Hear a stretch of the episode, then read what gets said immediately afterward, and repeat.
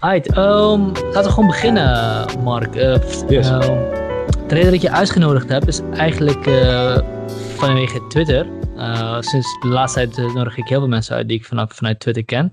Maar mm -hmm. ik volg je een tijdje, je, vertel, je, je tweet wel eens dingen over, over campagnes en over mentale modellen. Dat was eigenlijk wat mijn, wat mijn interesse wekte. Ik moet trouwens wel zeggen, de, de Twitter-algoritme stuurt niet meer zoveel van jou door naar mij toe. Ik de laatste tijd. Dat uh, betekent dat, je, dat, ik veel te, dat ik veel te onopvallende tweets heb gestuurd. Die jij. Uh, je, hebt, je hebt niet genoeg ophef, uh, je hebt niet genoeg ophef veroorzaakt. Ja, precies. Want, want Twitter laat dus zeg maar de tweets aan jou zien van de mensen met wie je het het minst eens bent. Hè, dus ze willen dat ik boos word eigenlijk. Het algoritme ja. is zo ingericht dat, dat ze mij zo boos mogelijk willen krijgen. Dus ik krijg alleen maar tweets te zien van mensen die ik echt verschrikkelijk vind. Zodat ik daarop ga reageren. Wacht even, Bo, waar jij het mee oneens bent, hoe, hoe kun je ja. dat überhaupt in een algoritme gieten? Um, ja, dat, dat, ik wou, wou, dat ik dat wist, maar ze weten natuurlijk, inmiddels weten ze wel waar ik op hap, hè, als, uh, als Twitter zijnde. En je hapt als persoon vaak op, op, op, juist op de dingen waar je het niet mee eens bent, hè. Dus, dus ik ga nooit, ja, ja, uh, ga niet zo snel zeggen, oh, ik vind jou echt super, als ik iemand iets zie tweeten. Maar ik ga wel zeggen, jee, wat, wat doe jij nu weer? Wat is dit een rare tweet? Ik ben het hier totaal niet mee eens. Ja. Sub, subtweet ik het dan, zodat ik zelf weer allemaal retweets krijg. En Twitter pikt dat natuurlijk op. En dan laten ze je, het is echt, het viel mij op een, gegeven, op een gegeven moment op, dat ze je alleen maar, in ieder geval mij, bijna alleen maar dingen uitlichten.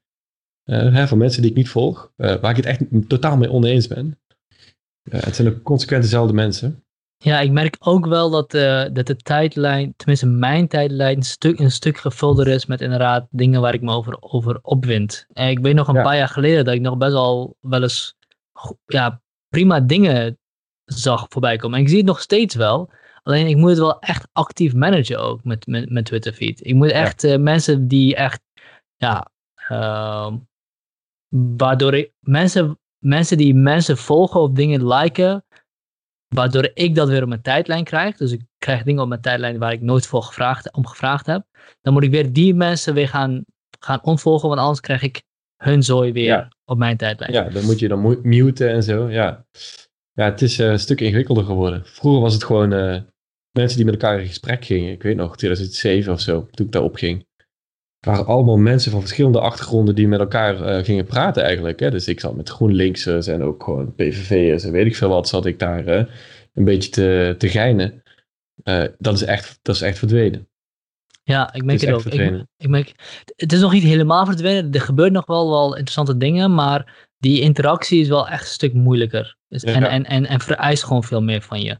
Maar Zeker. goed, voordat we helemaal in een bespreking van Twitter gaan vallen, vertel even kort wie je bent. Uh, ja. Wie je bent, Mark, en wat je doet. Ja, ik ben Mark en ik zit dus op Twitter. Uh, en daarnaast, uh, daarnaast heb ik eigenlijk mijn hele leven in de, in de politiek gewerkt tot 2017. direct na de studie ben ik gaan werken in het Europees Parlement voor de VVD. en zo via verschillende haltes uitgekomen in, als campagnestratege ook weer bij de VVD. Uh, nee, ik heb van 2010 tot 2017 in de Tweede Kamer gewerkt.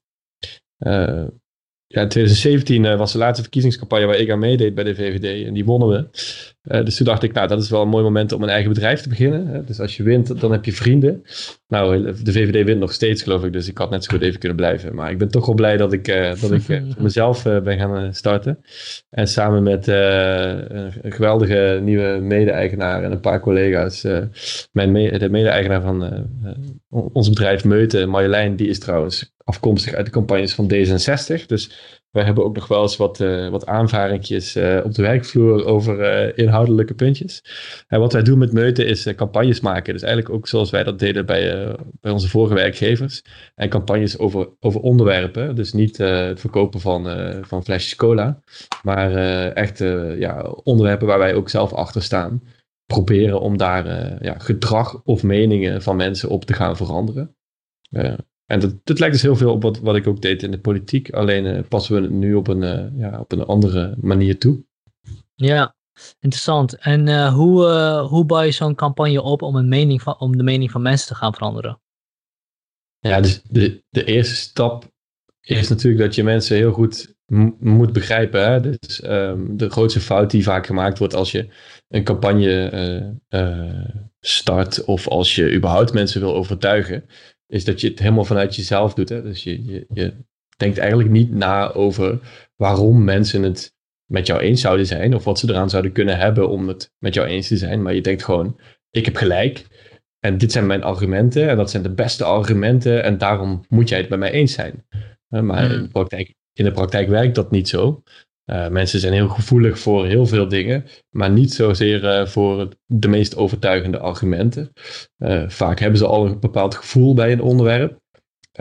en zijn ze eigenlijk meer op zoek naar de argumenten die hun gevoel ondersteunen, dan dat ze tegenstrijdige argumenten willen horen. Dus het begint altijd, of dat nou in de politiek is of, of, of als wij een gesprek hebben, chat, begint het hmm. met elkaar begrijpen en echt weten ook ja, wie je doelgroep is, wat je doelgroep belangrijk vindt. En, en vervolgens uh, ja, van daaruit verder werken. Ja, en, hoe, uh, en hoe, hoe, hoe verschilt dat van het soort politiek wat daarin doorslaat en wat echt een focusgroep politiek wordt? Of, ja. Uh, of, een, of een doelgroepenpolitiek. Dus ik heb doelgroepen, ik gooi daar een focusgroep op. Ik weet wat ze belangrijk vinden en ik vertel die doelgroepen wat zij willen horen. Ja, ja, dus het, ik, hoor dat, ik heb dat wel vaker gehoord. Hè. In de politiek denk ik dat er steeds meer geleund wordt op, op onderzoek, op kiezersonderzoek. Uh, dat, kan, dat kan een slechte zaak zijn. Hè. Het ligt eraan hoe je het gebruikt, denk ik. Mhm. Je kunt het gebruiken om inderdaad, zoals jij dat zegt, uh, te zeggen wat mensen willen horen. Uh, maar je kan het ook uh, gebruiken om jouw eigen belangrijke punten op een betere manier te verkopen. Hè? Dus uh, het, het stomste wat je kan doen is om zelf eigenlijk geen inhoudelijke standpunten te hebben. En vervolgens je inhoudelijke standpunten uh, te creëren door wat mensen willen horen. Dat, ik zou dat niet aanraden. Uiteindelijk uh, komen mensen erachter dat jij dan nergens voor staat. En dat je, ja, waarom zouden ze dan überhaupt nog voor jou gaan? Maar wat je wel kan doen is gewoon trouw blijven aan, aan wat je inhoudelijk wil. En vervolgens gaan zoeken naar de beste manier om dat te vertellen. En volgens mij is dat uh, wat je ook moet doen als je echt uh, uh, onderzoek zou doen, focusgroepen of wat van onderzoek dan ook. maar daarvoor zit ook nog een andere stap, hè, en dat is dat je gewoon luistert en probeert te begrijpen gewoon wat mensen tegen je, tegen je zeggen. En ik denk dat het in de politiek daar ook nog wel eens verkeerd gaat. Hè. Dus je hebt verkiezingen waarin iedereen natuurlijk bezig is met het verhaal verkopen. Of de politicus verkopen, kan ook. Maar in de drie jaar voor de verkiezing had je ook al moeten luisteren. Hè? Dus eigenlijk, uh, ik vind het is een quote van Hillary Clinton. En ik weet niet, niet of zij nou zelf heel erg uh, dit ook gedaan heeft. Maar zij zei, in een verkiezing is eigenlijk, it's, is a conversation between, with the country. Hè? Dus, dus het is eigenlijk een, een, een heel lang gesprek tussen mensen en politici en alle partijen in een land. Uh, en ik vind dat een hele mooie vergelijking. En ik denk dus ook dat als je het goed wil doen in de politiek, dat dat, dat en ook in campagnes, dat je dat moet doen. Dus dat je niet alleen maar uh, zegt dat je in maart een verkiezing hebt, dat je in januari je focus op onderzoek doet. Uh, en dan daarop, op basis daarvan een campagne bedenkt. Maar dat je al jaren bezig bent met dat gesprek tussen jou en de samenleving voeren. waardoor het ook veel makkelijker wordt om ja, toch ook de goede dingen te zeggen. Hè? Plus als jij er bent voor mensen en je luistert naar mensen, dan creëer je ook wel vertrouwen op zich hè, door er te zijn. Uh, dus dat zou altijd mijn, uh, mijn invalshoek zijn. Maar je hebt ook, uh, je hebt zeker ook, en dat zal echt niet heel weinig zijn, politici of partijen of momenten waarop er gekozen wordt voor, laten we maar zeggen, wat de mensen willen horen. ik denk dat dat uiteindelijk een, een verliezende strategie is. Ja, ik denk, ik, denk, ik denk zeker op de manier waarop het uh, op sommige punten aan het doorslaan en zeker een verliezende strategie is, omdat je kan die masker maar zo lang ophouden. Voordat mensen begrijpen dat hier iets heel raars aan de hand is. En dat je om zaken heen aan het draaien bent die volgens hen zeer duidelijk zijn, alleen maar om niet een bepaald standpunten verkondigen die jou on, onwelgevallig kan zijn. En ik denk dat, dat, dat, dat mensen dat heel erg voelen en proeven, zeker in, de, in, in het huidige klimaat. Bij sommige politici en bij andere politici denken ze dat dat niet gebeurt, maar ik zou bijna willen pleiten dat ik ja, het gros van de van, van politieke partijen deze, dit, dit wel zie doen. Ja, zeker. In, in verschillende maten, denk ik. Uh, maar op de korte termijn kan het natuurlijk heel succesvol zijn hè, om echt letterlijk te zeggen wat mensen willen horen. En, mm. ja, en ergens valt er ook wel iets voor te zeggen. Uh, kijk, als je het voor je eigen belang doet, dan uh, is het misschien, uh, ja, dan heb ik er niet zoveel respect voor. Maar ergens valt er ook iets voor te zeggen dat politici wel een deel van wat mensen willen of willen horen, dat ze dat vertalen in het politieke debat. Ja. Dus, en, en, dat is ook een vorm van populisme natuurlijk. In principe is daar niks mis mee natuurlijk. Het, het is ook slecht als het tegenovergestelde gebeurt. Hè? Dat, je, ja. dat, het, dat het zo ver afstaat van wat mensen denken en willen horen. Uh, uh, ja, dat je eigenlijk legitimiteit verliest. Ja, ja het, is natuurlijk, het is natuurlijk een heel belangrijke ba balanskwestie tussen uh, inderdaad ophalen wat je hoort uit de maatschappij of uit de mensen die jij moet verte vertegenwoordigen en daar iets van te maken wat sens maakt en waar, waar iedereen wat heeft, aan, aan heeft en hopelijk ook nog eens een verbindende, verbindende element heeft.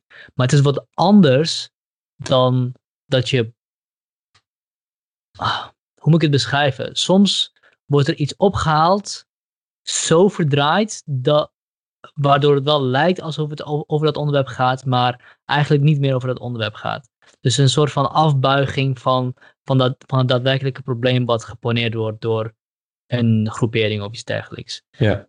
Um, en dan, dan, dan krijg je inderdaad een situatie waarin mensen het niet meer begrijpen of je inderdaad de legitimiteit verliest. Ja, ja, en, en, en je hoopt ook dat mensen dan doorhebben dat ze een beetje belazerd worden.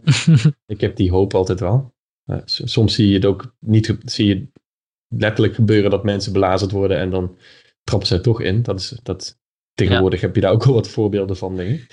Ja, uh, inderdaad. Dus, maar ja. ergens hoop ik dat aan de, zeg maar, uh, zeker op lange termijn, dat mensen echt wel uh, doorhebben als ze worden voorgelogen of als ze worden uh, hoe, hoe, noem je dat, in het ootje worden genomen. Of, uh, uh, ja, ja. Ik, ik, misschien is het ijdele hoop, maar hij is er nog wel bij mij. Ik denk op den duur dat, dat, dat je altijd door de mand valt. En of dat nou ja. een jaar is, twee jaar is, tien jaar is, twintig jaar is. Want op een gegeven moment zal iemand wel de waarheid komen zeggen.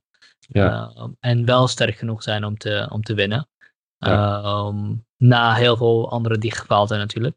Maar goed, dat is allemaal stap 1 van een campagne. Uh, ja. Begrijpen wat, uh, wat, wat er speelt. En, dat, en wezenlijk is dat dus niet heel anders dan, dan hoe je normaal, normale marketingcampagne start. Namelijk je doelgroep begrijpen. Ja. Als ik hem heel plat gooi. Ja, het, ik, vind het, ik denk wel dat het op een, dat het op een, een wat uh, ander niveau is. Hè, want het gaat over, over een verkiezing gaat over zoiets groots en, en alomvattends, dat is echt iets anders dan, uh, dan bier verkopen, zeg maar. Mm. Uh, het is heel ingewikkeld eigenlijk om al die verschillende uh, maatregelen en inhoudelijke punten te begrijpen en te vatten, zeg maar, in, in één verhaal of in één plan. dus natuurlijk, zeg maar, aan de, aan de, aan de campagnekant zijn er echt wel overeenkomsten met, met marketing en met, nou ja, gewoon sales. Alleen, het gaat wel over echt een heel ander product. Ook al, ook al omdat degene die het product verkopen in de politiek mensen zijn die wel echt erin geloven. Hè? Dus uh, het, het, het, heeft iets meer, uh, hoe zeg je dat? Uh, het roept iets meer passie op dan, dan het verkopen van dat cola flesje, zeg maar. Dus Mm. ik, ik geloof niet in cola, maar ik geloof wel in waar een bepaalde partij voor staat. En, en daar leg je echt wel iets meer hard en ziel in ook dan, dan in de pure sales, denk ik. Nou, ja, pure sales, maar als ik, als ik kijk naar wat Coca, even dan bij die voorbeeld van Coca-Cola te blijven. Als ik kijk naar Coca-Cola, die verkopen geen product, die verkopen een leefstijl. Die Ja. verkopen letterlijk geluk. Open happiness was een van hun, eh, van een van hun slogans, wat ik misschien tot nu toe de beste slogan ooit vind. Niet zozeer omdat het zo'n geweldige slogan is, maar omdat het, omdat het minimale is wat je nodig hebt om, om een slogan te maken. Zeg maar minimaal dat wordt het bijna niet. Open geluk. Het is natuurlijk onzin, want suiker, eh, de hoeveelheid suiker die in een cola fles zit, eh, leidt alleen maar tot minder geluk waarschijnlijk. Ehm, maar misschien is dat een onderdeel van de briljantheid van die, eh, van die campagne. En op dezelfde manier moet een politieke partij ook allerlei koude beleidsstukken en partijprogramma's vertalen naar een ehm, wezenlijk essentieel onderdeel van iemands leven. Namelijk eh, comfort of eh, baanzekerheid of eh, het gevoel dat je kunt zorgen voor je kinderen of veiligheid als je over straat loopt en dergelijke. Zeker, ja. Het, het, maar het, het, verschil wat ik wel echt zie is dat als ik voor Coca-Cola werk, dan kan ik de week daarna kan ik ook voor Pepsi gaan werken of voor ja. Nutella of weet ik veel wat. Terwijl als ik voor de VVD werk en, en, ik zou niet zo snel gaan werken voor de SP en waarschijnlijk voor geen enkele andere partij in Nederland, omdat daar toch ook een soort loyaliteit en, en overtuiging mm, in zit dat, ja. hè, dat de goede partij is of zo. Ja. Uh, dus ja, mensen denken vaak dat het een heel cynische wereld is, waarin je inderdaad uh, dingen aan het verkopen bent. Maar zo, is, zo zwart-wit is het echt niet. Ik uh, ben daar niet gaan werken omdat ik graag dingen wilde verkopen, maar omdat ik in eerste instantie aangetrokken werd door, door het verhaal van die partijen en hoe, hoe zij de, toekomst van Nederland wilden vormgeven. en ik vind dat ook een, voor mij in ieder geval, veel meer fulfilling manier van bezig zijn met uh, verhalen vertellen dan het verkopen puur van, van een product. Ja, ja, interessant. Um, ik bedenk me nou even een vraag. Wordt er in Nederland gebruik gemaakt van focusgroepen? Hebben jullie daar gebruik van gemaakt? Ik denk dat, dat iedere politieke partij dat wel eens gedaan zal hebben, ja. ja. ja. ik heb namelijk het idee dat dat ik, ik, tenminste, als ik de peilingen bekijk en dergelijke, zijn het volgens mij altijd enquêtes en nooit echt wat diepgravender ja. onderzoek naar, naar hoe mensen met elkaar omgaan. Ja, je kan, je kan uh, heel veel verschillende types onderzoek doen. Hè? En, en de beste manier is om ze gewoon allemaal te doen, denk ik. En om dan vervolgens uh, te kijken wat de dwarsverbanden zijn. Want uh, focusgroepen alleen is ook niet alles, volgens, denk ik. Hè? Als ik nu een klant zou hebben en die zou zeggen... we willen graag onderzoek doen en we willen dat het focusgroepen zijn... dan wil ik ook dat daar een kwantitatief ja. deel tegenover komt te staan. Omdat, ja, kijk, als je, als je een focusgroep, dat is, hè, dus zeg maar zes tot tien mensen aan een tafel. En die stel je dan die vraag over die cola. Hè, dus uh, wil je dan, uh, wil je die, uh, wat geeft het je voor gevoel, zo'n flesje cola? En dan zegt een van die mensen, is misschien heel erg dominant. En die zegt iets als eerste en dan gaat die hele tafel mee. Hè? Dus het is ook niet zo dat er een soort heldere kennis uit focusgroepen komt. Je moet dat wel altijd in een bepaald perspectief kunnen plaatsen. Ja, nee, zeker inderdaad. En, uh, en uh, moet, zeker moet dat inderdaad in samenspraak zijn met andere onderzoeken. En het liefst inderdaad kwantitatief onderzoek. De reden dat ik het vroeg is omdat ik, als ik naar de peilingen kijk op tv en van Maurice van der Hond en dergelijke, zie ik altijd alleen maar het kwantitatieve onderzoek. En ik heb dan meestal iets van, ja, ik mis iets. Ik mis ja, dan mis, iets. dan mis je zeker iets. Als je alleen die, die onderzoeken van de hond, dan mis, je, dan mis je wel iets. daar zou ik nooit 100% op afgaan, nee. Nee. Hij, hij duidt het ook altijd zelf. Hè? Ik kwam me daar zo aan ergeren, man. Want, want hij heeft dan dus een wekelijkse peiling. Ja. En dan zie je dus dat er, weet ik veel, zegt dat één partij is één zetel omhoog gegaan. En één partij is één zetel gedaald.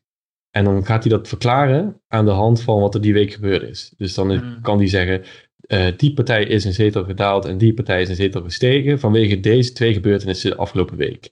Ja, dat, daar is geen enkele aanleiding voor hoe zeg je dat? Hij kan het op geen enkele manier verantwoorden dat zoiets ja, is. Ja, is geen, hij, heeft geen causale verband aangetoond, op geen enkele manier. Totaal niet. En iedere week doet hij het.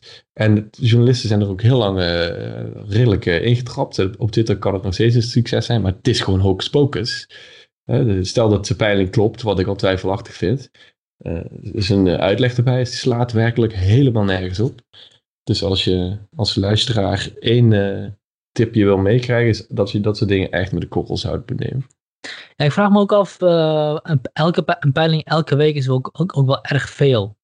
Uh, ik kan me moeilijk voorstellen dat je daar echt, echt überhaupt uh, substantieel fundamentele kennis uit kan halen. Ja, dat klopt. Ja, dus, dus wat die peilingen betreft is, zijn de trends het belangrijkste. Hè? Dus wat je over een lange tijd voor een ontwikkeling ziet in meerdere peilingen. En daarom, je hebt die peilingwijzer, hè? dat is wel een goede. Die pakt een aantal peilingen samen en kijkt dan uh, een beetje zoals ik net zei naar uh, de situatie. Ja. Maar dan nog, joh, je moet niet al te veel op tussenstanden afgaan. Hè? Dus, dus het is net zoals, uh, ja, het is, het is net zoals bij voetbal. Ja. ik kan met 1-0 bij, bij rust voorstaan en dan met 4-1 verliezen in de verlenging. Dus, nou ja, als 2016 ons iets geleerd heeft, is dat peilingen inderdaad echt niks hoeven te zeggen. Nee, precies. Dat is echt, uh, denk ik, de meest uh, grote uh, comeback geweest die, die, dat ik me in ieder geval kan herinneren in de politiek. Ja, nee, dat klopt helemaal. En het is ook altijd leuk om te zien hoe politici, als ze goed in de peilingen staan, roepen op Twitter dat, dat ze zo geweldig in de peilingen staan. En als ze, als, als ze dalen, hoor je er nooit iemand over. Ik denk dan ook, wees consequent. Ja. Dat, moet je, dat moet je ook benadrukken. Ja, ja. Goed. Um, um, hoe zijn jullie te werk gegaan met het vormgeven van de campagne in 2000, 2017? Die landelijke campagne van, het, van, van de VVD. Ik ben wel benieuwd hoe, dat, hoe jullie dat opgebouwd hebben.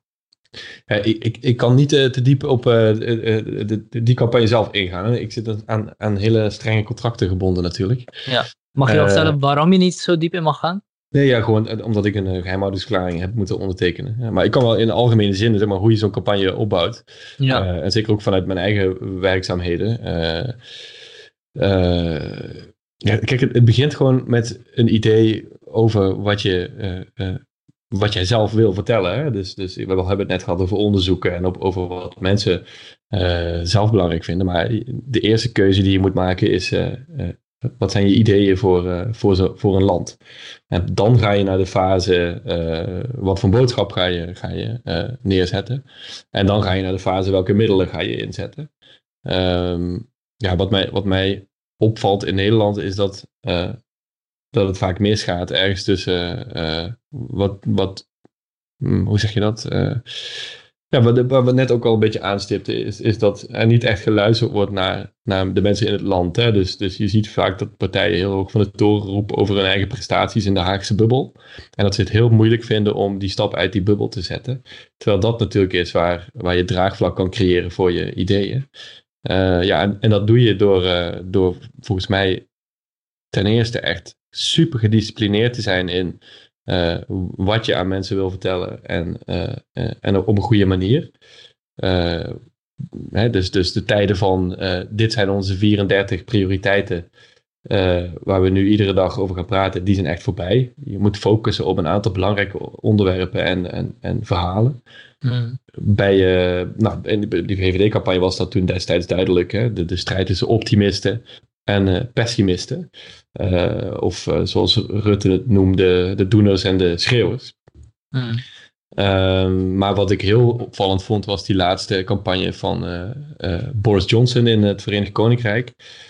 Ik heb nog nooit zo'n gedisciplineerde campagne gezien met zo'n boodschapvaste communicatie. Wat was die boodschap? Ja, het was gewoon get Brexit done. done. Oh, ja. en, dat, en dat consequent herhalen, totdat iedereen die, die zin gewoon in zijn hoofd had, denk ik, in, in, in Engeland.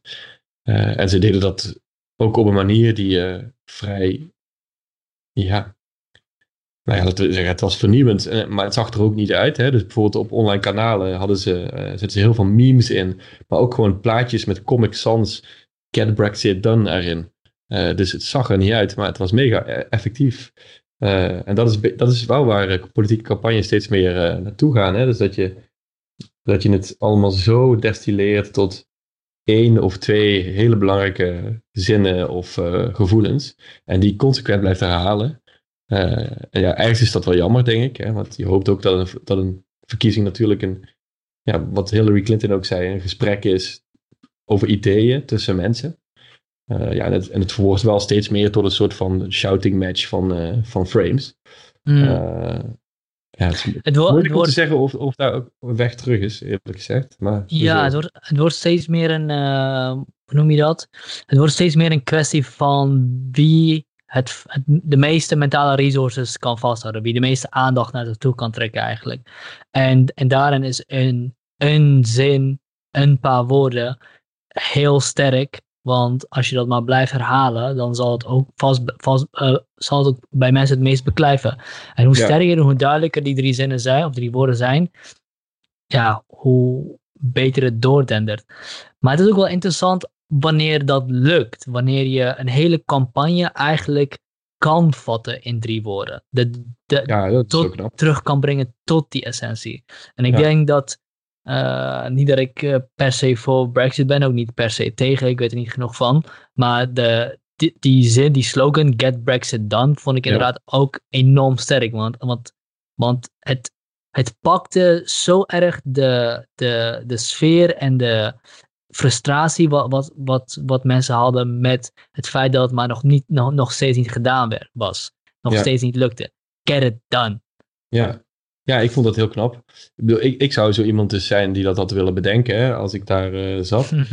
uh, ja, ik vond het fantastisch. Maar wat er ook heel mooi aan was, vond ik dat het eigenlijk de werkelijkheid op zijn kop was. Hè? Dus uh, de, de conservatives hadden het land in die situatie gekregen.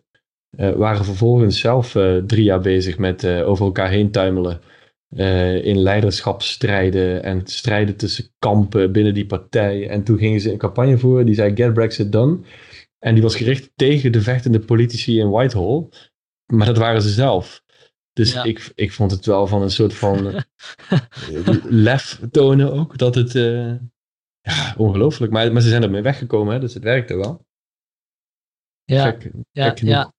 Ze waren een pijl op, op, op, op, uh, op eigenlijk hun eigen mensen aan het richten. Zonder dat mensen door hadden dat dat, dat echt is wat er aan de hand was. Ja, ja precies. Ja. Dus, dus eigenlijk zeiden ze, ja, ze, ze verweten de rest wat ze zelf gedaan hadden en ze kwamen daarmee weg ook. het was vrij bijzonder. Ja. Waar denk je dat aan lag, hoewel ze ermee wegkwamen? Omdat ze de beste boodschap hadden. Omdat ah, mensen er klaar mee waren. En uh, get Brexit done, dat was gewoon het gevoel. Wat, wat leefde in het land. En, en daarnaast was de tegenstand natuurlijk ook extreem zwak. Uh, maar die ene zin, ja, ik, zelfs ik dacht op een gegeven moment, weet je, uh, terwijl ik toch echt liever had dat ze er niet uitstapten en ook niet wilde dat Boris Johnson zou willen. Zelfs ik dacht op een gegeven moment, laat het maar gewoon voorbij zijn.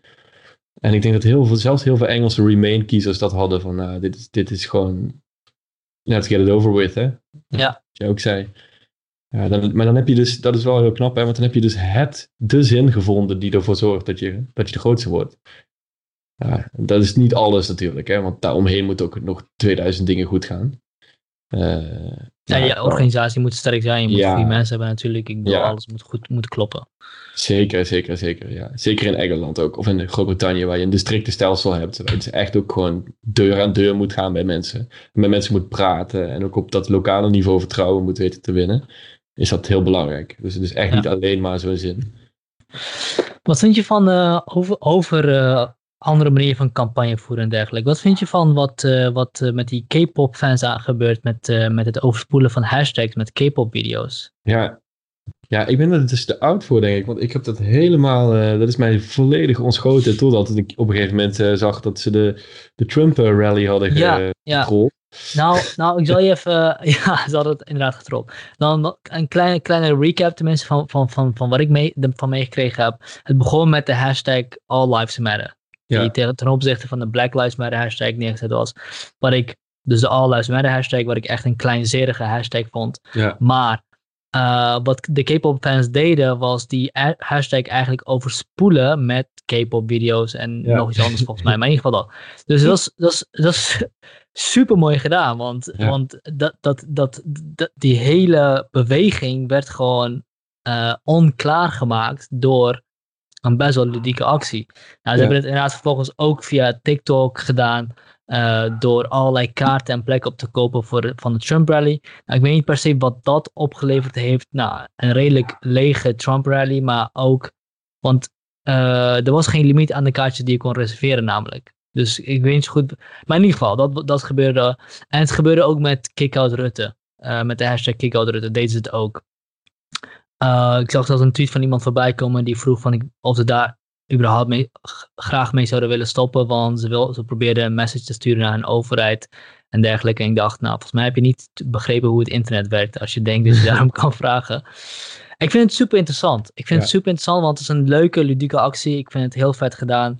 Uh, maar ik vind het ook gevaarlijk. Want de, zeg maar, de, de geboorte van zo'n tactiek, die bestaat nu in principe. Dat kan eigenlijk voor elk doeleinde gebruikt worden. En wat het doet, is het, nog, het, het, het online campagne voeren of het online gesprek nog meer reduceren, als het al niet zo was, tot wie het meeste kan overspoelen, wie het meeste kan posten. Dat is wiens narratief, uh, narratief blijft staan. Dus aan de ene kant super vet wat er gebeurt. Aan de andere kant ik uh, denk ik dat het alleen maar een verdere uh, één, stap, één stap meer is in de richting van filterbubbels die kasteelmuren worden. Of laat ik maar van die, die metafoor gebruiken. Ja, ik ben, ik ben het helemaal met je eens. Ja, ik, ik moest bij mezelf een check doen. Hè? Dus uh, ik, ik las over die Trump-rally met uh, de K-pop fans. En mijn eerste reactie was super vet. Goed gedaan. Uh, ik ben niet Trump's grootste vriend. Dus dat vond ik gaaf. maar een paar weken daarvoor heb ik een artikel geschreven over Obamagate. En hoe dat hmm. vanuit de Trump-zijde eigenlijk vanuit het niets gecreëerd werd door, door spammen, trollen, fake accounts, alles. En dat is dezelfde tactiek. Uh, en als ik dat gevaarlijk vind als de Trump-aanhang dat doet, dan moet ik dat ook gevaarlijk vinden als de andere kant dat doet. Dus ik ben het helemaal met je eens, want het, het is precies dat wat je zegt. Hè? Dus uh, het is het smoren van een ander geluid. En ook al is dat geluid niet prettig, ja, uh, het verdient wel een kans om, om er een gesprek uh, over te voeren eigenlijk. Hè? En ja. dat is wel een beetje waar we, de situatie waar we in zitten, is dat je twee kampen begint te krijgen die gewoon niet meer met elkaar praten en ook, ook elkaar eigenlijk willen, willen silencen. Hè? Ja, en, zeker in Amerika begint dat, begint dat hele gevaarlijke vormen aan te nemen. Mm. Uh, en ik hoop dat we in Nederland in ieder geval, ja, laten we het een beetje op de flanken houden. En niet te veel ja, ik bedoel, het, is, het, is nu, het is nu in Nederland ook, tenminste een paar weken geleden was het in, in, uh, ook wel aan het accelereren. Ik weet niet hoe het er nu voor staat. Ik heb eerlijk gezegd de tv een beetje uitgezet nadat uh, Aquasi en Johan Dex ophef. Ik dacht, nou ik, waarom gaat het nu opeens weer daarover? Dus toen heb ik het een beetje uitgezet. Maar ik denk dat we in, Nederlands ook, dat we in Nederland ook moeten oppassen met, met de kant waar we op gaan. En het probleem is ook, kijk, sommige sommige boodschappen zijn ook gewoon het niet waard, zijn ook geen aandacht waard. Sommige dingen zijn gewoon zo zwak en zo onzinnig dat je dat, dat bijna je, eigenlijk je tijd niet waard is. En niet iedereen heeft recht op het podium. Maar probleem is dat dat, dat steeds meer vanuit een tribale gedachtegang gedacht wordt. Dus inderdaad, uh, op het moment dat het bij, bij, bij Obamagate gebeurt, vinden we het verschrikkelijk. En op het moment dat, uh, dat het bij, uh, bij All Lives Matter gebeurt, denken we, ah, cool. Ja. Instinctief. Um, ja. en, nu, en nu zijn wij blijkbaar twee mensen die wel daar kritisch, kritische reflectie op loslaten.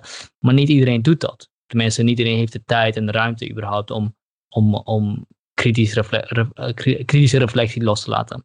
Nee. En wanneer die stemmen ja, sorry, ik, ik vind dat een compliment uh, als je dat over mij zegt. Alleen, ik, dat is in mijn geval zeker niet uh, altijd zo. Hè? Dus het valt me soms op en dan corrigeer ik mezelf. Maar over het algemeen trap ik er gewoon in. Hè? Dus als ik een tweet zie van uh, Rutger Brechtman, ja, dan ben ik eigenlijk al mee oneens zonder dat ik het gelezen heb.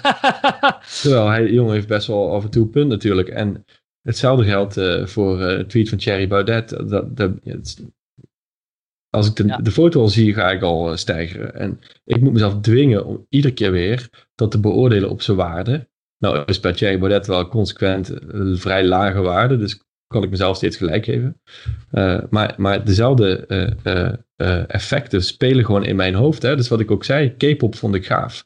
En ik moest me echt dwingen om even een check te plaatsen dat ik die tactiek eerder heel slecht vond bij iemand anders. En dan moet ik hem ook dus daar slecht vinden. Maar dat is echt een strijd in mijn hoofd. En ik denk dat het heel moeilijk is om de discipline voor mezelf te blijven opbrengen. Om dat consequent te kunnen doen. Maar ik zie dat ook overal om me heen dat mensen dat doen. Hè? Dus ik kan bijna niks meer vinden op, op Twitter. Of op, uh, ja, met name op Twitter. Uh, zonder dat ik ook nog 102 andere dingen moet veroordelen. Mm. En dat is zo bizar in mijn, in mijn want daarmee alleen al geef je aan dat er een soort van twee kampen zijn die allebei uh, precies dezelfde dingen goed en fout, of, of precies tegenovergestelde dingen goed en fout moeten vinden. Terwijl soms vind ik uh, iets eh, heel goed wat aan de ene kant zit. Uh, en vind ik iets anders aan de andere kant niet goed.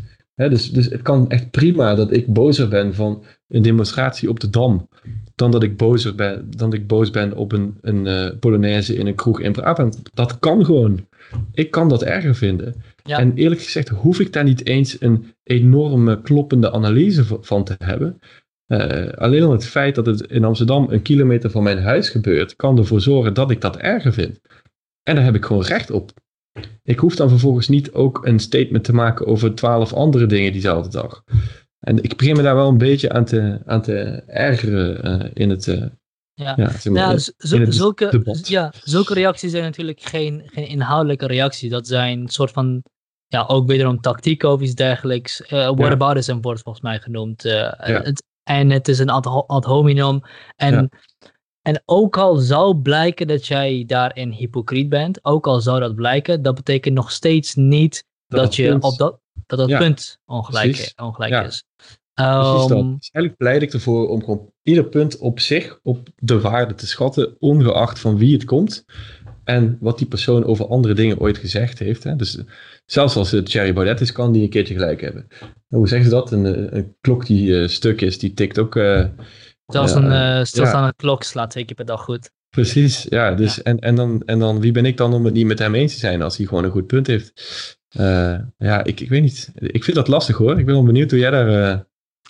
Nou ja, um, hoe, ik dat, hoe, hoe ik dat doe, hoe ik daar mee ja. in omga. Ja, ja, ja. Um, een van de dingen die ik doe, en dan gaan we het misschien meteen al over mentale modellen hebben. En misschien moeten we zo meteen even uitleggen wat je verstaat als een mentaal model. Nou, ja. wat ik daaronder versta is, uh, is een manier om naar de wereld te kijken. Een versimpelde manier om naar de wereld te kijken. Een soort van heuristisch model waar, waar, waarop je, waardoor je keuzes kan maken. Ja. Uh, en een model dat hopelijk je, je, je vooroordelen en je, inderdaad je tribale uh, associaties overstijgt, transcendeert. Dat, is, dat maakt het denk ik beter. Uh, dat is, dat is wat, ik, wat ik onder een mentaal model versta. En een van de dingen die, die ik consequent probeer te doen, inderdaad, is uh, een persoon loskoppelen van een uitspraak. Of mijn overweging van een persoon loskoppelen van een uitspraak. En dat is inderdaad veel moeilijker dan, dan, dan, dan, dan je denkt. Want het is echt moeilijk. En het is, het is vooral ook moeilijk bij mensen die je aardig vindt. Mensen die je aardig vindt, die iets zeggen waarvan je denkt, dit is onzin. Uh, wordt het nog moeilijker, want dan moet je in een publieke ruimte mensen die je, waar je eigenlijk het mee eens bent, uh, gaan, uh, gaan afvallen. gaan afvallen. En zo bedoel jij het misschien niet. Je bedoelt het misschien wel echt als een soort van, hey, dit is wat hier aan de hand is. Maar de, de, de situatie waar we in zitten, is dat het wel op die manier opgevat wordt. Dat die persoon wel afgevallen wordt. Ja. ja, dit is gewoon een worsteling. Hè? En, en ja, ik heb het harder de andere kant op. Dus ik vind het moeilijker om het eens te zijn met iemand die ik echt een totale eikel vind. Dan dat ik het moeilijk vind om het oneens te zijn met iemand die ik gewoon leuk vind. Ook omdat ik altijd wel het idee heb dat als je, als je elkaar leuk vindt, kun je het gewoon oneens zijn, zeg maar. Um, maar dat is eigenlijk, dat is in principe wat mentale modellen ook. Dat is eigenlijk een mentaal, mentaal model. Hè? Zoals, ik weet niet wat de naam zou zijn, maar dat je inderdaad een check maakt bij jezelf. Vind ik dit uh, een probleem omdat die persoon het zegt? Of omdat ik het een probleem vind? Uh, ja. En ik merk dat het bij mij heel lastig is. Ik moet me echt dwingen om dat te doen. Uh, ja, mentale ja, modellen zijn, zijn precies dat eigenlijk. Dus, dus aan de ene kant zit je vol met modellen die jou sturen in hoe je de werkelijkheid ziet. Uh, en aan de andere kant heb je heel veel modellen die je juist helpen, helpen om beter te sturen hoe je die werkelijkheid ziet. Hè. Dus um, uh, in het geval van. Uh, ja, het, is, het is een soort confirmation bias misschien. Als je iemand echt een eikel vindt, dat je het niet met hem eens wil zijn. Confirmation bias betekent dat je een soort van de, de uh, bevestiging zoekt van wat je al dacht. Ja. Dat, dat, is een heel sterke drijfveer bij mensen in hoe ze denken. dat is ook een hele slechte drijfveer. Hè? Dus, dus ook een, een, een goed model om te hanteren zou zijn: check je confirmation bias. Hè? Vind ik dit een goed punt omdat het mij bevestigt in wat ik al dacht? Of negeer ik deze informatie omdat het ontkracht wat ik al dacht? Ja. Heel kritisch zijn op dat soort dingen. Ja. Uh, Misschien is het wel goed om even uit te leggen waarom een confirmation bias uh, negatieve dingen kan, of ja, negatieve effecten kan hebben. Um, op het wetenschappelijke niveau is het een probleem van inductie. Namelijk, je denkt dat er een hypothese is. Je hypothese is, als er x gebeurt, uh, dan gebeurt er y. Dus je gaat allemaal kijken naar de momenten dat er x gebeurt. Sorry, ik moet de zwaan, ik moet de zwaan voorbeeld gebruiken. De zwaan. Uh, vroeger dachten we dat, er al, dat een zwaan altijd wit was. Ja, precies. Nou, we, we, ervaarden, we zagen heel veel verschillende soorten zwanen, die waren altijd wit. Nou, dat is dus, onze bias werd geconfirmed. Uh, en omdat we geen tegenvoorbeelden hadden, gingen we ervan uit dat zwanen wit waren. Maar het blijkt dat er ook zwarte zwanen bestaan. dus op het moment dat je een hypothese. In de, in de wetenschap is het zo, tenminste volgens Karl Popper, is het zo dat je geen hypotheses kan bewijzen. Je kan alleen maar ze nog niet ontkracht hebben. Uh, dus dat is een van de redenen waarom het in de wetenschap, waarom in de wetenschap confirmation bias een probleem kan hebben. Je kan namelijk niet uit een, uh, uit een eindig aantal observaties een, een, een definitieve conclusie trekken. Eigenlijk. Een definitieve conclusie. Ja. Iets eeuwigs zeggen, laat ik het zo zeggen. Ja. Dat alles, je kan niet uit het, uit het zien van duizend zwanen, of honderdduizend zwanen, of een miljoen witte zwanen, zeggen dat zwanen alleen maar wit zijn. Ja. Um, en de meer dagelijkse uh, omgang is het een probleem, omdat, ja, zoals je al zei, je gaat zoeken naar wat je denkwijze bevestigt. En alles wat je denkwijze niet bevestigt, dat levert ook een soort van uh, frictie op. Je, moet het gaan, uh, je, moet het, je moet meer moeite gaan doen om het, om het te verwerken. Dus je klikt dat tabblad al je, je klikt het tabblad maar weg en je gaat naar de volgende tabblad die al zegt wat je al dacht, die minder, dat wat, wat minder frictie oplevert. Dat merk ik zelf ook in mijn dagelijkse Google, Google searches. Uh, dat ik het makkelijker, dat ik het moeilijker vind om met tabbladen open te houden waar ik het mee oneens ben. Ja, ja dat is precies wat het is. Hè? En, en dit is ook vaak. Um, er bestaat volgens mij een idee bij de meeste mensen dat zij uh, dat ze een soort van eerst informatie zoeken en dan een mening vormen. Hè? Terwijl in de praktijk gaat het precies andersom. Hè? Dus je, je hebt een, niet eens een mening, vaak een gevoel. En je zoekt daar de informatie bij. En dat is ook confirmation bias. Hè? Dus je kan een krant hebben. Uh, en alleen al de manier waarop jij kiest dat je een artikel leest in een krant is waarschijnlijk omdat de kop of wat dan ook jou eigenlijk al gelijk geeft. Ja. dus, dus stel dat ik uh, echt mega pro F, JSF ben, F35 ben, uh, ja, dan ga ik al niet naar uh, een artikel lezen waarin staat F-35 grootste faalvliegtuig alle tijden. Het slaat gewoon over. Confirmation bias uh, ja. aan het werk. Ja. maar dat is, dat is, een heel krachtige factor in hoe wij verkeerde keuzes maken eigenlijk. We hadden het over hiervoor. Je was aan het vertellen. De mentale modellen volgens mij, daar gingen we zo ja. langzaam naartoe. Ja, ja. ja je, was, je was het over confirmation bias en toen onderbrak je omdat ik dat even wilde uitleggen. Ja. Nou, je vroeg ook aan mij hoe ik, hoe ik met zulke dingen omga. Een, een ander ding wat ik ook wel probeer, uh, wat, wat, ik heel erg, wat ik heel erg probeer, is, is een argument van een tegengestelde positie uit te leggen op een manier dat die persoon het ermee eens kan zijn. Ja. En dan terugredeneren naar waarom ik denk dat die niet stand houdt. Ja. Uh, en dat is natuurlijk super moeilijk en dat lukt bijna nooit. Uh, maar het helpt je wel om. Het helpt je wel om een gedeelde beeld te krijgen van de realiteit. Uh, ja. Want je moet ook op, op een gegeven moment moet je ook, als je met iemand in gesprek bent waar je het mee ons bent, moet je ook gaan onderscheiden waar hebben we het over. Hebben we het nu over een empirische kwestie? Da daar moeten we het gewoon over eens zijn hoe dat zit. We moeten het gewoon over eens zijn over, over hoe het met de feiten zit. Anders kunnen we gewoon niet verder als we geen gedeelde realiteit hebben.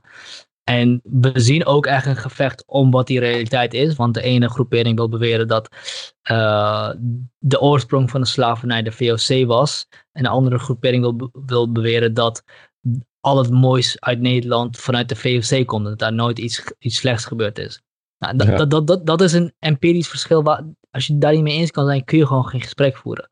Nou, dan moeten we over, over een, wat is het, waar, waar verschillen we over conceptueel? Dus wat is, wat is het verschil van de interpretatie? Van die feiten, waar verschillen we daarover? En dan ten derde ook, waar willen we heen?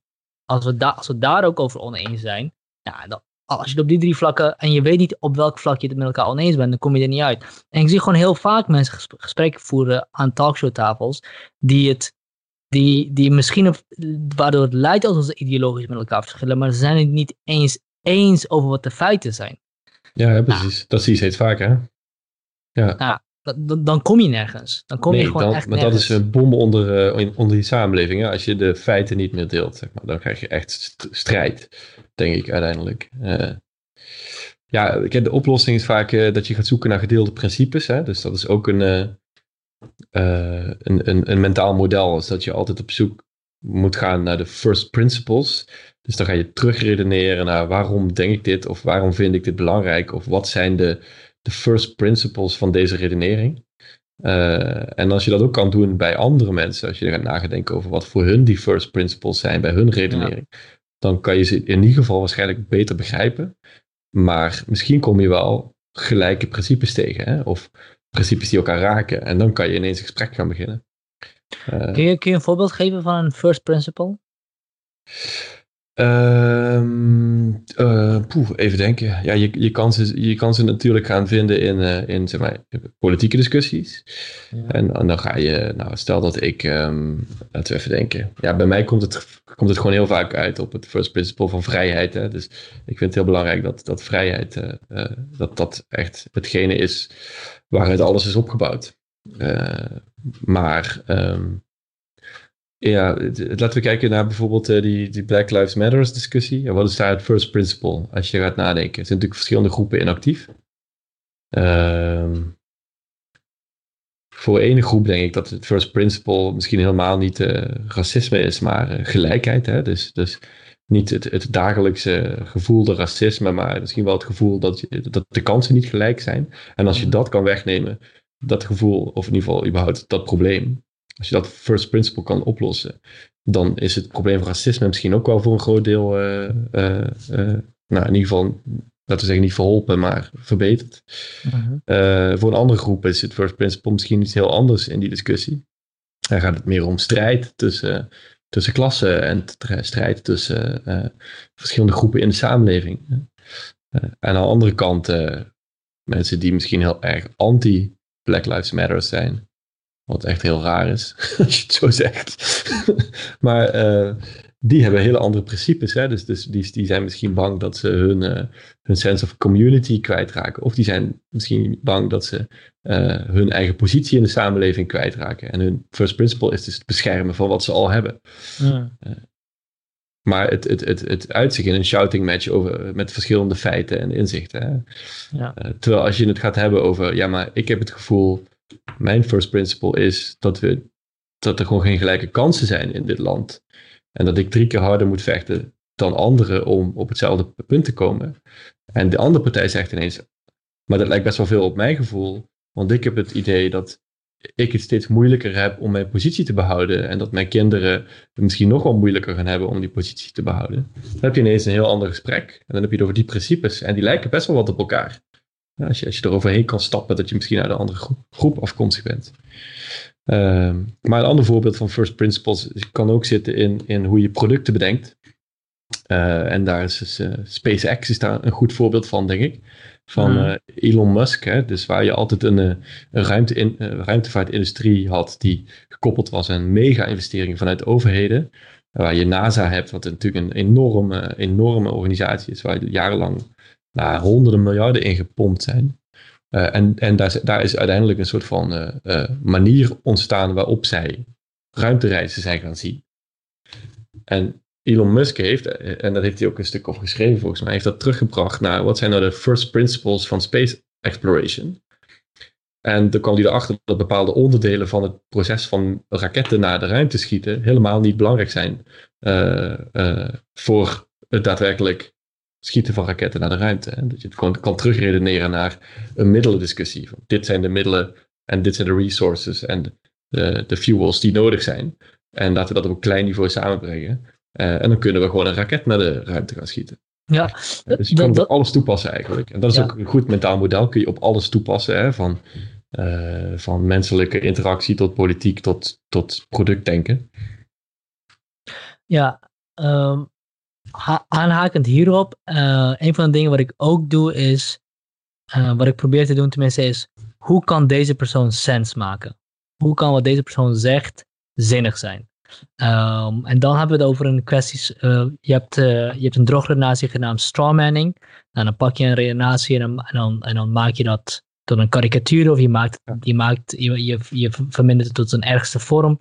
Steelmanning is een argumentatie pakken en het proberen tot een beste vorm te maken. Dus ik hoor jou bijvoorbeeld, uh, Mark, zeggen zus en zus en zo. Maar zou het niet sterker zijn als je eigenlijk dit zou zeggen op deze manier? Want dan wordt jouw, jouw doel, wat, wat je probeert te halen, ook sterker of beter, uh, uh, beter bereikt. Ja. En um, over die kwestie van NASA is ook interessant, want daar heb je ook meteen te maken met path dependence. Hè? Uh, namelijk dat als je door de geschiedenis heen of door de ontwikkeling van een organisatie bepaalde keuzes maakt, je Mhm. keuzes eigenlijk ook steeds eh, eh, minder, eh, minder variatie zien. Ja. Want je hebt bepaalde voorgaande keuzes waar je aan moet houden, bepaalde relaties die opgebouwd zijn waar je aan moet houden.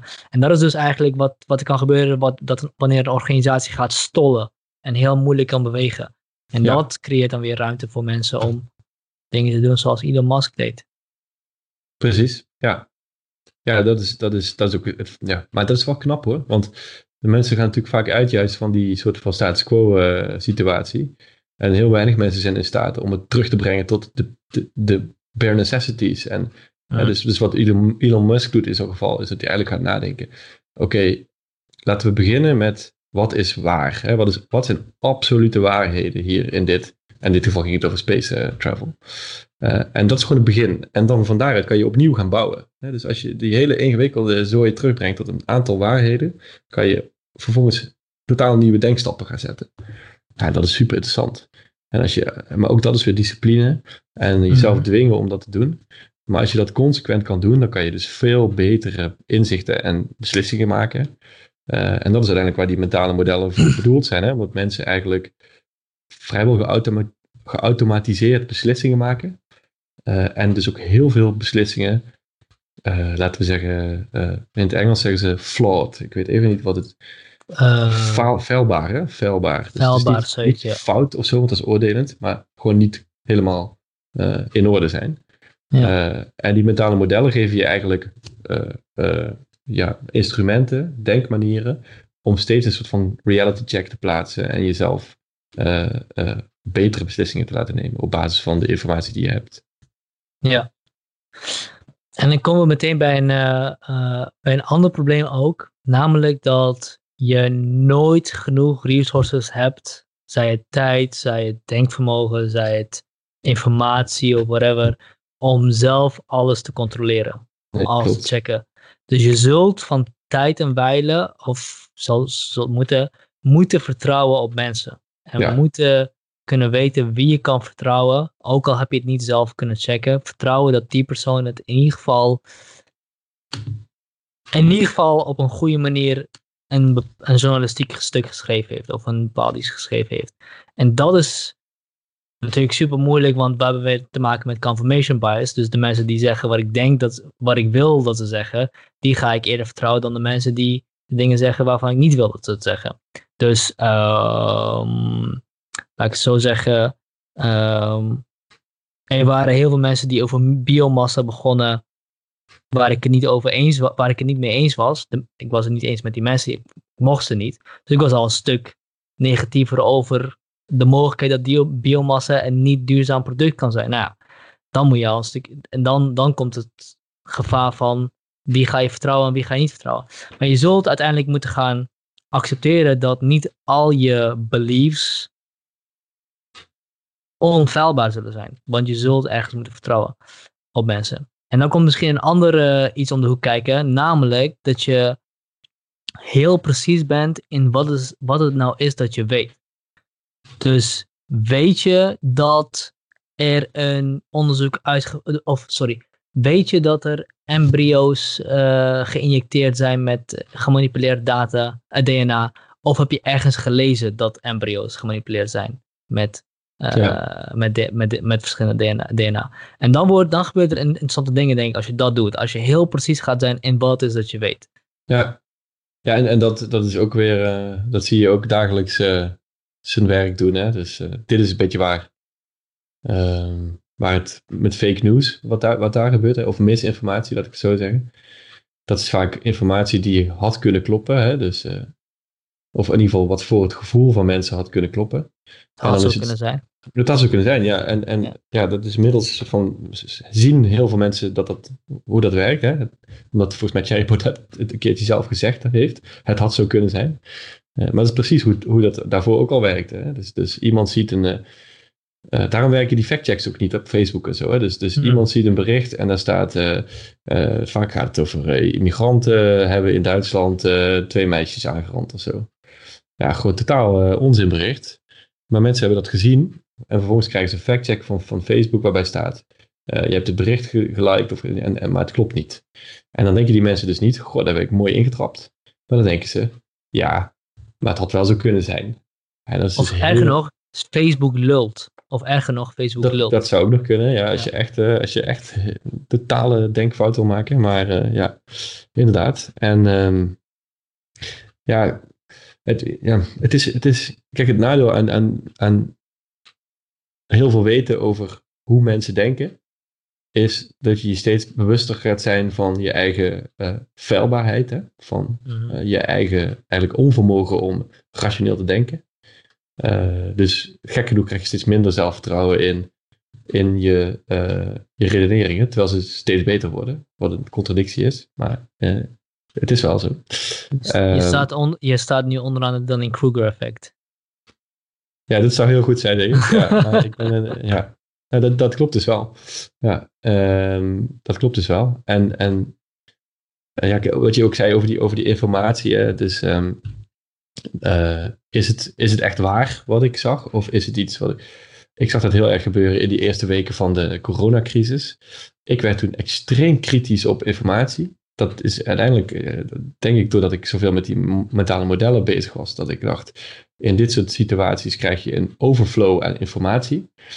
Uh, maar, je moet, maar je moet alles echt, je moet bijna 100% kunnen weten dat iets klopt voordat je het voor waar aanneemt. Omdat het is heel juist in die situaties is het echt enorm gevaarlijk om informatie als waar aan te nemen die niet per se waar is. Hè? Dus, mhm. Omdat het ineens om heel grote belangen gaat. Hè? Dus het zijn fat-tailed situations waarbij uh, de, de kansen dat er iets bizars gebeurt wordt, is eigenlijk heel groot. Uh, en ik zag in die eerste weken, er was iemand, een Amerikaanse, ik geloof fotograaf of zo, die wat artikelen op Medium ging schrijven over over uh, uh, de effecten van het virus over de hele wereld. En die combineerden daar allemaal data met elkaar. En dat is echt viral gegaan over de hele wereld. Uh, mensen begonnen dat, nou, ik kreeg het in appjes, ik zag het op Twitter. Dat is echt viral gaan in, in de beste vorm. mij ook gezien, ja. En ik, maar ik ging heel kritisch naar die informatie kijken. En ik zag gewoon vrij snel dat het gewoon niet klopte. dus, dus je zag, hij maakte vergelijkingen tussen landen die hij niet kon maken op basis van de informatie die hij had. Uh, en de hele wereld was mee bezig. En, en dan zie je dus hoe mensen zich eigenlijk laten leiden door, door iets wat ze niet echt, echt checken. Want als je vervolgens een simpele vraag stelde van, ja, maar je ziet toch dat in die grafiek bijvoorbeeld het alleen maar gaat over het aantal besmette gevallen en dat ze die dingen vergelijken in landen, zonder dat daarbij de factor het aantal uitgevoerde tests wordt meegenomen. Waardoor die informatie letterlijk nutteloos is. Uh, en dan zeggen mensen, oh ja, dat klopt. Maar dat hadden ze niet gezien. Uh, dus, dus dat is echt heel opvallend hoe dat eigenlijk wijdverbreid geaccepteerd kan raken. Zonder dat ook maar iemand dus dat gewoon gecheckt heeft. Ja, ja, ja. Ik denk dat de vraag, de vraag die, je, die hier kan stellen is... Kijk, het moment dat je een stuk content consumeert, of het nou een video of een tekst of een podcast is of whatever, um, gaat je bewustzijn op een bepaalde manier mee in de flow van wat daarin gezegd wordt of geponeerd wordt. En hoe meer die jou mee kan nemen, hoe opener jij staat voor om dat te geloven. In de sales heet, dat, heet, dat, heet die tactiek de, de ja-flow. Als je mensen één keer ja kan zeggen, kun je ze twee keer ja zeggen, kun je ze drie keer ja zeggen. En hypnose wordt ook gebruikt uh, waarbij je suggesties geeft. Sorry. Moeilijk, moeilijk, moeilijk, moeilijk verteerbare, moeilijker verteerbare suggesties geeft. Nadat je makkelijker verteerbare suggesties geeft. Dus uh, ik begin misschien met, uh, met een gesprek te openen over uh, het weer. En we zijn het allebei eens over het weer. En ik ga verder over schoenen. En we zijn het allebei daarover eens. En klein beetje bij beetje smokkel ik steeds meer erin. En dat is, dat is de Jaro's. En dat kan een stuk content ook doen. Dus de vraag is, in hoeverre laat jij, of wordt jouw bewustzijn meegesleept in de flow van die content? En in hoeverre heb je er nog vat op? En misschien moet je twee, drie keer lezen of drie, vier keer even kijken voordat je door hebt. Dat gebeurt misschien ook met, met films. Hè? Als je de vierde, vier, vierde of vijfde keer kijkt, zie je opeens heel andere dingen. Ga je de achtergrond bekijken en dergelijke. Dan word je veel minder meegesleurd door het geheel, omdat je daar al eens meer vat op hebt, om het maar zo te zeggen. Maar ja, dat is heel moeilijk. Zeker als een stuk heel goed geschreven is met heel veel data en heel veel grafieken die en bepaalde uh, ja, een objectiviteit. Ja, Een, deel, een deelbevestiging inderdaad en een bepaalde objectiviteit met zich, uh, met zich meebrengen. Ja. ja, klopt.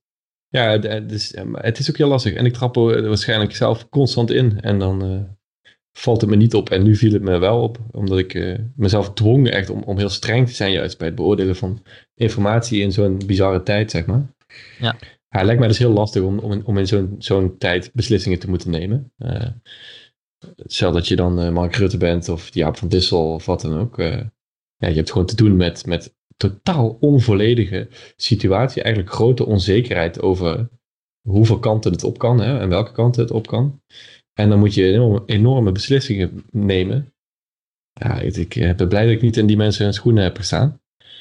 Uh, ja, het is wel lastig hoor, denk ik.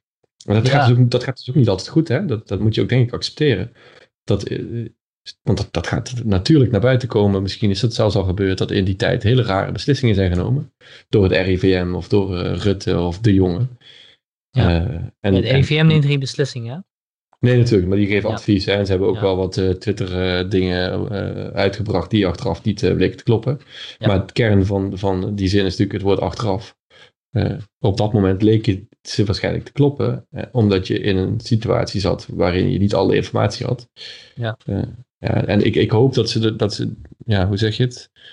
Kijk, als, als daar mensen zaten die naar eer en geweten echt hun best hebben gedaan om, om de juiste beslissingen op basis van onvolledige informatie te nemen, dan hoop ik dat ooit, als ooit naar buiten komt, dat ze die beslissingen op een betere manier hadden kunnen nemen. Dat mensen daar ook wel begrip voor hebben dat ze dat toen toch niet hebben kunnen doen. Oh, dat is wel heel hoopvol. Ja, ik, ja, ja, ja, misschien ja, wel. Ik denk, je hebt ook nog Maurice de Hond ja, die heb je natuurlijk ook wel, maar je hebt natuurlijk ook een oppositie. Ik denk, uh, en het kan ook zijn dat er in de echt daadwerkelijk uh, verwijtbare uh, beslissingen zijn genomen. Maar verhaal, ja. hoe dan ook zal het denk ik echt wel een lynchpartij worden. Want ja. nou, de VVD is nog steeds heel sterk en, en de verkiezingen komen eraan. En ja, en de oppositie wil natuurlijk ook winnen. En als je dan, dan zou dit een geweldig, geweldige strategie kunnen zijn. Uh, hoe, uh, hoeveel levens het gekost heeft en dergelijke, of economie, ja. bla bla. Oh, het zou, uh, ik, hoop, ik hoop niet dat dat gaat gebeuren. Dat zou toch wel echt. het voelt gewoon heel slecht als dat zou gebeuren. Ja, ja. ik las bijvoorbeeld, ik las bijvoorbeeld twee weken geleden, dat is ook weer informatie. Hè? Dus ik, ja. er was een nieuwsbericht en er was iemand in België, ook een, zeg maar de Belgische Maurice de Hond of zo, denk ik. Die had gezegd: als, de, als de regering deze beslissing een week eerder had genomen, dan had dat, ik weet niet, zoveel duizend levens gescheeld. En ik dacht, ja, dat, dat zou kunnen, hè? Maar, maar je had ook kunnen zeggen, als je die beslissing een week later hadden genomen, had het twee keer zoveel levens gekost. Hmm. En het is allemaal zo makkelijk om, zeg maar, die, dit is de hindsight bias, hè? Dat is ook een... Uh, Captain Hindsight. Een heuristiek, Captain Hindsight, ja. Ja, nou ja, laat ik zo zeggen, ik, ik zou niet erop vertrouwen dat ik zelf uh, de beste beslissingen zou nemen in dat soort situaties. En dan vind ik dat ik dat ook niet mag verwachten van anderen. Tuurlijk met een bepaalde grenzen, want je zei zelf ook al, dat is echt wel verwijtbaar. verwijtbaar uh, ja, dat kan, het kan. Het ja. kan zo zijn dat het een lynchpartij wordt en, en tegelijkertijd een uh, verwijtbaar gedrag is geweest. Ja. Dus dus de, de, de mob mentality is uh, op zichzelf gewoon misplaatst. Maar uh, de, de aanleiding ertoe kan, kan nog steeds zo horrendous zijn. Dat het een voorbeeld was een paar jaar geleden. Waarin een, een verkrachter in India door een mob uit elkaar getrokken werd of iets dergelijks. Nou ja, verschrikkelijk. Natuurlijk niet te rechtvaardigen. Maar ja, ik begrijp wel die woede van de ja, mensen. Dus, dus, dus, ja, dus je, eh, het, het vasthouden van die paradoxale, ogenschijnlijk paradoxale uh, visies op, uh, op, een, op kwesties is denk ik uh, ook zeer belangrijk. Zeker, zeker. Um, even kijken. Um, ja, waar ik een beetje benieuwd naar ben is, welke partij denk je dat, dat, dat op dit moment goede campagnes voert? In Nederland? Ja, natuurlijk zijn er nog niet echt, echt, ze zijn nog niet echt begonnen tenminste, al een klein beetje, klein beetje, ja. het een beetje door. Maar wie, uh, wie denk je, gezien deze mentale modellen waar we het over gehad hebben, het begin van je, van je, van je uitleg over campagnes, die, welke partij denk je dat, dit, dat deze dingen goed aanpakt? Ja, ik, ik, denk dat het, het, concept mentale modellen, we hebben bij vrijwel geen enkele politicus nog, uh, alhoewel ik Klaas Dijkhoff, die ken ik uh, redelijk en die is er veel mee bezig, dat weet ik. Uh, wat mij dan weer vertrouwen geeft in zijn beslissingen. Um, qua campagnes is dat heel lastig in te schatten nu. Um, nou, algemene media-uitingen, laat ik zo zeggen. Ja, algemene vormen ja, van communicatie. ik denk dat de VVD daar wel echt in voorop loopt. Uh, ik vind Ascher ook echt wel sterk in, uh, in uh, hoe hij bepaalde woorden en frames kan inzetten. Maar ook als politicus vind ik hem sterk overkomen. Ehm, ik denk dat Jesse Klaver, als ik zie hoe, hoe zij die vorige campagnes gedaan hebben, dat mm. als, als, hij, als ze er echt voor gaan, dat, dat, zij dat, dat ze ver kunnen komen ja, partijen die niet. Uh, ik, ik zag deze week, uh, vorige week, de, de lancering van de website van D66. En daar zaten ook wat filmpjes bij. En ja, ik werd er bijna boos van, dat ik, omdat ik het zo slecht vond. Uh, dat was dus echt een klassieke fout van dingen maken omdat je denkt dat je zelf de doelgroep bent. En ja. dat zag je daar echt gebeuren. filmpjes van een paar mensen die ze aan het woord lieten, hè, Nederlanders. Maar dat waren volgens mij allemaal 23-jarige, 24-jarige millennials uit de grote steden. Ja, sorry maar. Ik, ik, zie, bij geen... ja, ik zie bij D66 ook inderdaad de grootste disconnect tussen, tussen iets tastbaars hebben en wat we zeggen. Het klinkt allemaal, het lijkt allemaal mooi te klinken, maar het lijkt gewoon heel vaak geen inhoud te hebben. Um, ja, en, en het, ik denk dat het gewoon vooral iets is wat, wat het team daar zelf heel gaaf vindt. Maar dat, dat is dus de, de, eerste check die je moet maken. Is of andere mensen dat dan ook vinden, weet je wel. Want waar doe je het nou voor? Ja. Wat ik uh, interessant aan GroenLinks vind... Vanuit een professioneel oogpunt uh, ja, kan ja. ik me daaraan ergeren. Nou, ik denk, ik denk, dat heel veel mensen zich daaraan kunnen ergeren. Zelfs ik kan me eraan ergeren. Ik, vind ook, uh, ik kan me ook ergeren aan, um, aan hoe D66 zich op kan werpen als de beschermer van, van minderheden. Um, ja. Ik ben zelf een allochtoon en uh, kom, ik ben van buitenlandse komaf. En ik voel me totaal niet aangesproken of, of geholpen door de manier waarop zij over allochtonen praten. Um, Wat niet wil zeggen dat anderen dat wel kunnen vinden. Hè? Dus dat is natuurlijk wel... Ja, tuurlijk, tuurlijk. Ja, zeker. Zeker. Nee, helemaal mee eens. Helemaal mee eens. Andere mensen kunnen daar, uh, kunnen daar zeker mee uh, wel, wel zich in kunnen vinden. Ja, goede check. um, GroenLinks vind ik interessant, ook trouwens bij, in, in 2017, want ze, waren, uh, ze, hadden, ze leken echt heel veel aandacht te hebben op, en heel veel momentum te hebben opgebouwd. Um, maar toch zijn de resultaten misschien minder geweest dan de hele show had kunnen, kunnen bereiken. Ja. Ik vraag me af wat, wat, wat, daar, uh, wat daar mis is gegaan, wat jij denkt dat mis is gegaan. Bij GroenLinks? Ja. Um, nou, ik wil even rechts. Ik vind, ik vind D66, uh, de, die campagne daar, uh, zoals ik het vorige week zag, vond ik helemaal niks. Maar ik hou wel een beetje van D66 hoor. Ik ben natuurlijk wel liberaal. Dus ik hoop juist dat zij het heel goed doen. Ik zou het het allergaafste zou ik vinden als twee liberale partijen in Nederland uh, ook de twee grootste partijen worden. ja, GroenLinks. Um, ik vond hun 2017 campagne fantastisch. Die vond ik echt heel goed. Echt heel goed. Ook vernieuwend voor Nederlandse begrippen. Uh, ik vind Jesse een hele gedreven politicus. Die volgens mij al sinds de twintigste zegt dat hij premier gaat worden. En dat meent hij ook. Ja, ik vond uh, Jesse zoveel sterker ook wanneer hij zelf aan het woord was dan, dan wanneer hij aan het speech was. Niet omdat zijn speeches slecht waren, maar hij was gewoon, hij was gewoon vuur als hij aan een talkshowtafel stond, zat met, ja. met, een, uh, met iemand te praten. Maar vertel verder. Ja, nee, dus ik, ik, ik vind Jesse ook gewoon heel goed. En, en de, valstrik, de valkuil bij Jesse is dat hij uh, de, de, het idee wekt dat hij een rol speelt, wat volgens mij niet zo is. Uh, ik denk dat hij authentiek is en dat, dat natuurlijk wil hij graag een politicus zijn die de grote verhalen vertelt. En lijkt hij daarom ook op Obama, die dat ook deed, en Amerikaanse presidenten daarvoor die dat ook deden. Dat wil niet zeggen dat hij dat niet zelf ook zo graag wil doen. Um, ja, ik denk dat ze nog wel uit de hoek, verrassend uit de hoek kunnen komen. Hoor. Kijk, het gaat uiteindelijk om, uh, om de, de laatste zes, zeven maanden voor die verkiezing.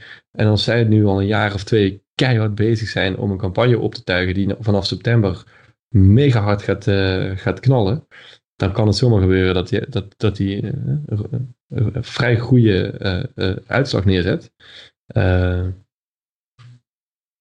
ik denk ook wel dat, dat GroenLinks, en ik weet niet of dat nu al is, maar de groene partijen in Europa worden natuurlijk wel steeds belangrijker.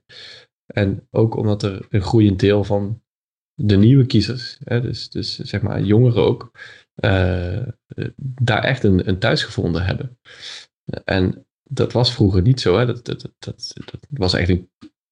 Ja, het is meer een lifestyle keuze nu dan dat het vroeger was misschien. Ja. En, en dat is wel iets wat hun een goede basis geeft om van verder op uit te bouwen. Ja. Dus, uh, en laten we niet vergeten dat uh, GroenLinks het de afgelopen verkiezingen ook gewoon veel beter gedaan heeft dan in de jaren daarvoor. En dat ze een beetje pech hadden dat Frans Timmermans uh, kandidaat werd voor de PvdA voor de Europese verkiezingen. Want anders hadden ze het daar waarschijnlijk ook beter gedaan. Ja.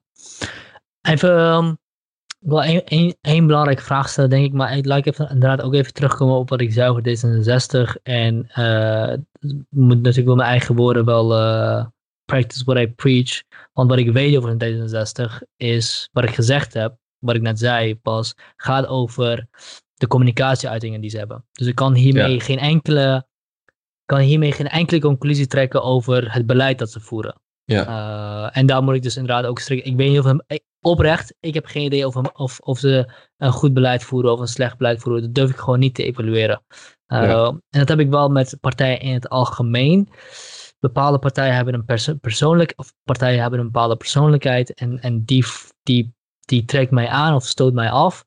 En met die instelling bekijk ik ook alles wat ze doen en, uh, en oordeel ik ook als ik überhaupt een hele partijprogramma lees, beoordeel ik die partijprogramma ook. Dus ook dat heeft gewoon zo'n sterk effect op je. Ja, lees jij partijprogramma's? Uh, ik heb van, op 2017 heb ik voor het eerst een aantal programma's gelezen. Dan heb ik eerst een kieswijze gedaan en daarna van een aantal partijen en ook, ook niet per se wat uit de kieswijze kwam, uh, het een en ander gelezen. Maar ik zal je vertellen, ik weet er niet veel wijzer van. Nee, dat is natuurlijk lastig. Hè? En, en, uh, maar je, dat je ze leest, dat is wel uitzonderlijk, denk ik. Kieswijze moet je eigenlijk nooit doen. Hè? Dat, is, dat, um, dat is gewoon een onderhandeling. Hè? Dus, dus partijen wordt, uh, wordt uh, gevraagd om antwoord te geven op stellingen. Nou, dan gaan partijen eerst onderhandelen over de stellingen.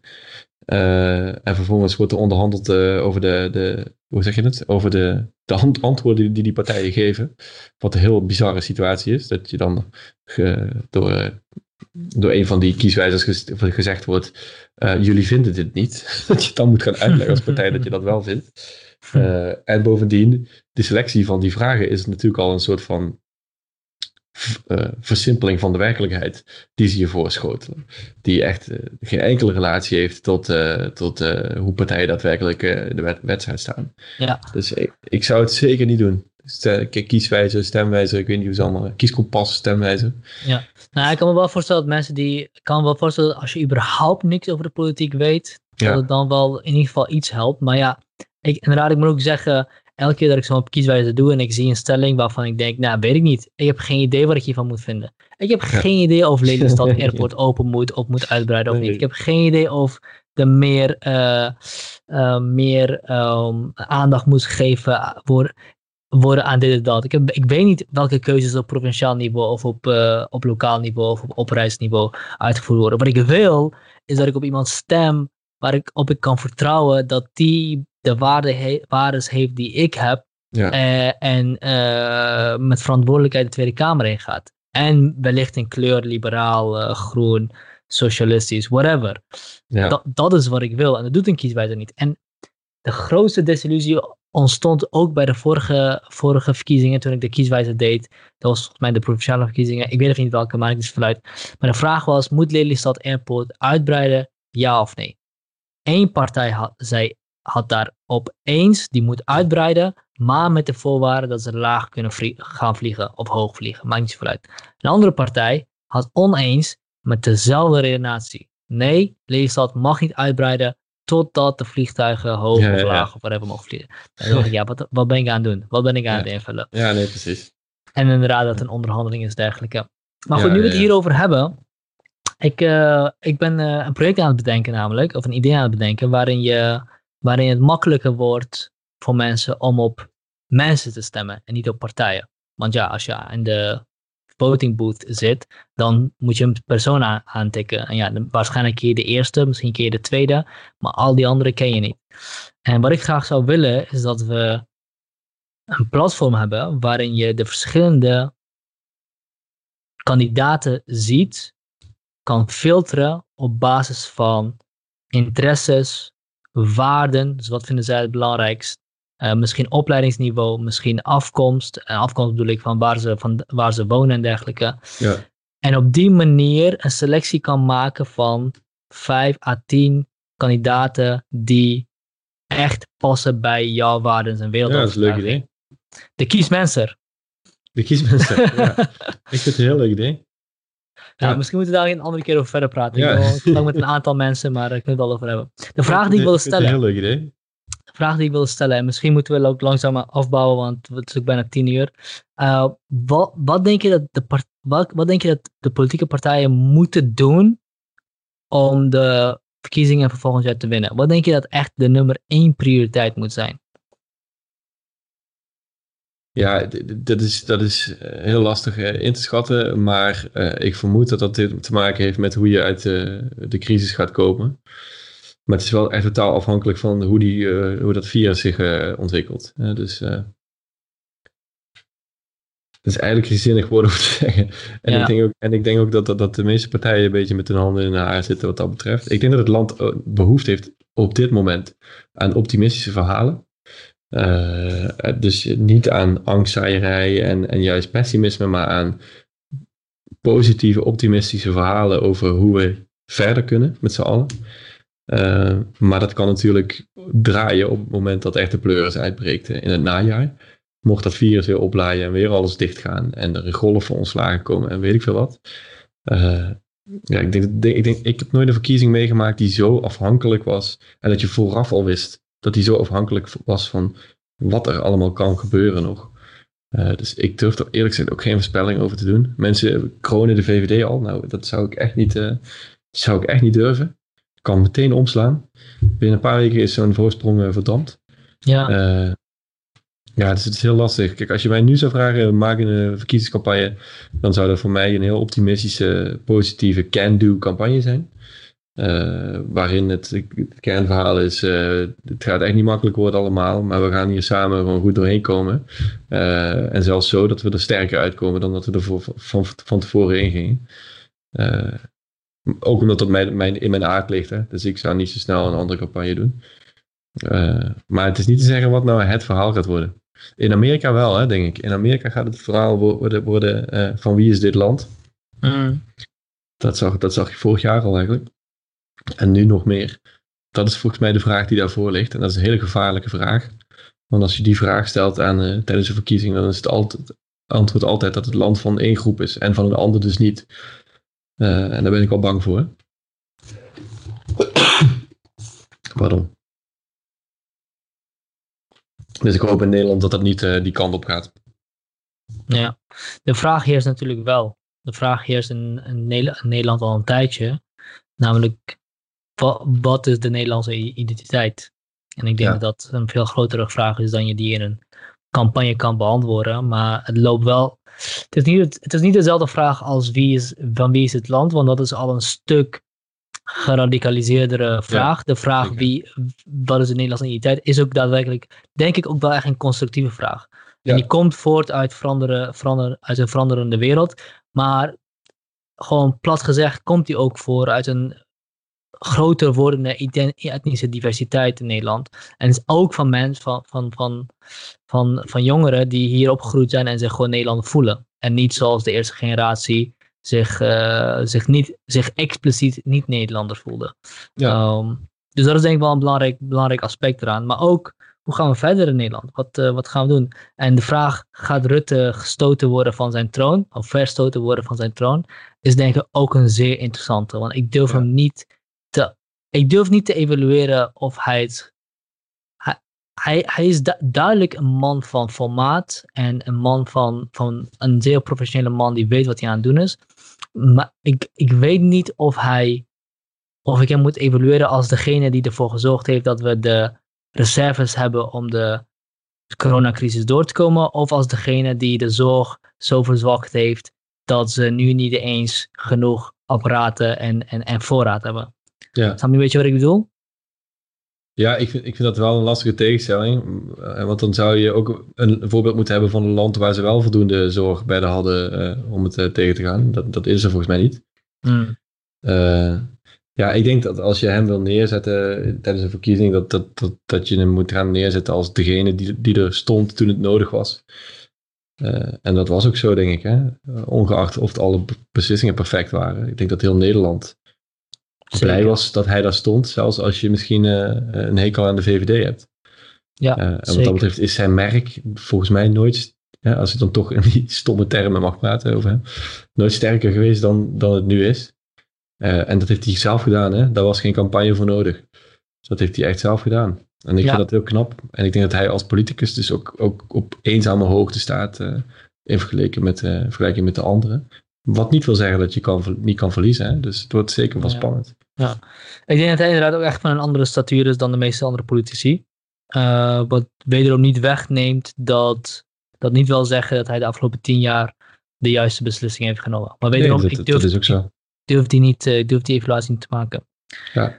Zullen we afsluiten? Ja, zeker. Ik vond het superleuk. Ja, ik ook. Uh, Dankjewel. Interessant om ook op deze manier ernaar te kijken. En laten we zeker een keer gewoon een kop koffie doen als dat weer mogelijk is. Over kies de, de kiesmensen. Kies, Over de kiesmenser. De kiesmenser. ja, ja, misschien als ik wat stappen verder ben. Of als ik, waar zit jij eigenlijk? Zit jij in Amsterdam? Of ik zit in Amsterdam, maar ik heb net een huis gekocht in Maastricht. Dus het gaat, uh, gaat wat veranderen. Je komt ook in, uit Limburg, toch? Ja, uit Maastricht. Ja, ik, ik hoor het uit je, aan je stem. Ik heb uh, twaalf jaar in Sittard gewoond. Oh, echt? Ja, accent Ja. Ah, ja, wat leuk. Ja.